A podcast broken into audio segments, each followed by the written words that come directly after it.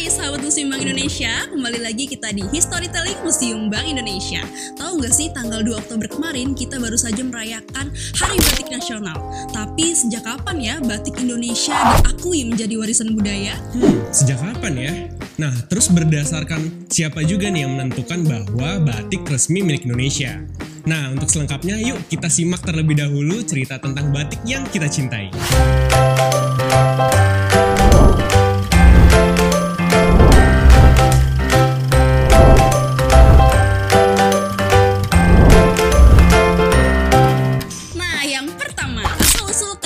Batik. Asal-usul kata batik diambil dari bahasa Jawa ambatik, amba berarti luas dan juga matik yang berarti membuat titik.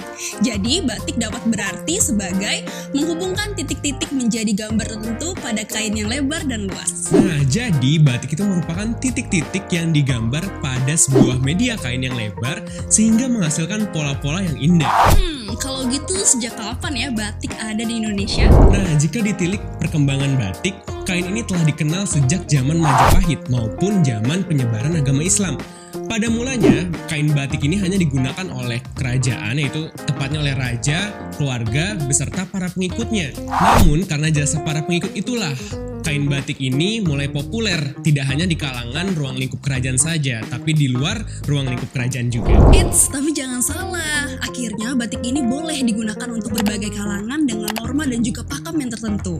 Namun untuk motifnya juga bagi raja dan juga keluarganya tetap tidak boleh diikuti oleh masyarakat luas. Oh iya, ada juga nih fakta menariknya. Jadi pada saat itu yang membuat batik hanya boleh perempuan. Namun biasanya perempuan pada masa itu awalnya membatik dengan waktu senggangnya. Akhirnya dijadikan pekerjaan tetap tapi kalau masa sekarang boleh ya siapa saja untuk membatik. Hmm, jadi sejak kapan ya teknik membatik ini mulai dikenal di Indonesia?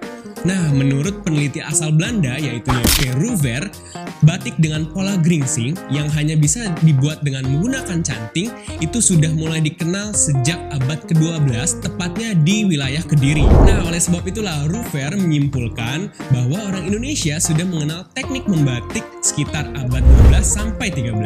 Terus gimana ya perjalanan batik di Indonesia? Nah, yang pertama, zaman Kerajaan Majapahit.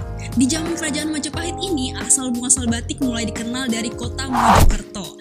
Tapi pada saat itu, batik pertama kali dibuat menggunakan kain putih yang ditenun sendiri dan juga obat-obat pewarna tradisional. Nah, setelah Perang Dunia yang pertama, akhirnya batik cap mulai dikenal karena dibawa oleh pedagang dari Cina yang juga berdatangan nih obat-obat pewarna dari luar negeri. Nah, tadi kita udah membahas di zaman Kerajaan Majapahit. Selanjutnya, masuk ke zaman penyebaran agama Islam. Masuknya ajaran Islam sampai ke wilayah Ponorogo, Jawa Timur itu dibawa oleh Bathara Katong, yaitu adalah Raden keturunan Kerajaan Majapahit. Beliau juga mempopulerkan batik di luar area keraton. Nah, kemudian nih, era batik Jogja dan juga Solo. Era batik ini mulai populer di Kerajaan Mataram I, yakni pada masa Raja Panembahan Senopati. Jadi pada saat itu ada acara keluarga keraton dan juga mereka memakai kombinasi dari batik dan juga lurik sehingga rakyat yang melihat tertarik dan juga meniru. Akhirnya batik mulai dikenal rakyat biasa dan juga keluar dari tembok kerajaan atau keraton. Nah, selanjutnya bagaimana perkembangan batik di wilayah-wilayah lain di seluruh Indonesia? Nah, batik ini berkembang ke seluruh wilayah di Indonesia. Perkembangan ini terjadi karena masyarakat Jawa Tengah merantau ke beberapa kota di wilayah Indonesia. Sebut saja salah satunya Banyumas, pusatnya di Sokaraja. Nah, perkembangan batik di Banyumas itu dimulai sejak tahun 1830, tepatnya setelah Perang Diponegoro. Pada saat itu, pengikut-pengikut pangeran Diponegoro sebagian besar menetap di wilayah Banyumas. Oleh sebab itulah batik berkembang di wilayah Banyumas. Tak hanya itu, batik juga berkembang hingga ke wilayah Pekalongan, di mana kota yang terkenal dengan pesisir pantainya. Sehingga pada saat itu istilah batik pantai mulai tersemat di daerah tersebut. Nah, bukan hanya di Pulau Jawa, batik juga tersebar di berbagai wilayah lain seperti Pulau Sumatera, Bali, Sulawesi, dan juga Papua. Tapi motif-motif batik ini juga mengandung berbagai makna loh. Contohnya, kalau misalkan masyarakat di pesisir cenderung memakai motif dengan warna cerah dan juga naturalis. Seperti di daerah Cirebon. Batik Cirebon ini terkenal sebagai motif megamendungnya yang berbentuk awan.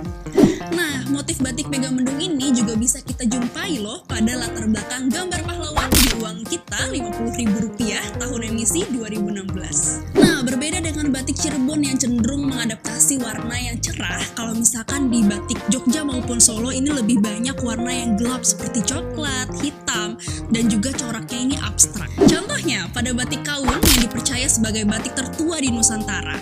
Nah, motif batik Kawung ini juga dapat kita jumpai pada sisi muka depan bergambar Soekarno dan Bung Hatta pada UPK 75.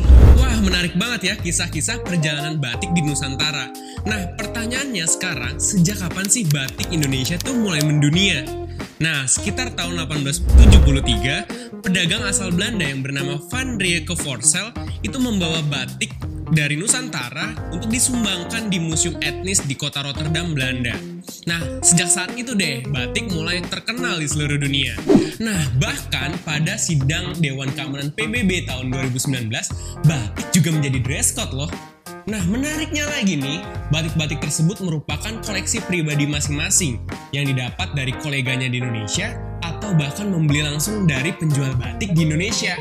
Wow, keren banget ya. Wah, jadi makin cinta ya sama batik. Tapi tunggu dulu deh, batik ini sebagai warisan budaya Indonesia sudah diakui oleh seluruh dunia belum ya? Tentu dong, pengakuan batik sebagai warisan dunia berlaku sejak UNESCO menetapkan batik sebagai warisan kemanusiaan untuk budaya lisan dan non-bendawi pada tanggal 2 Oktober 2009. Menurut UNESCO, teknik simbolisme dan budaya terkait batik melekat erat dengan kebudayaan Indonesia. Bahkan UNESCO menilai masyarakat Indonesia memaknai batik dari prosesi kelahiran hingga ke prosesi kematian. Wah, keren banget ya. Yuk bangga lestarikan warisan budaya dengan menggunakan pakaian khas bangsa yakni batik. Semoga, Semoga budaya budaya berbatik bisa semakin mendunia. Selamat Hari Batik Nasional. Bye-bye. Bye-bye.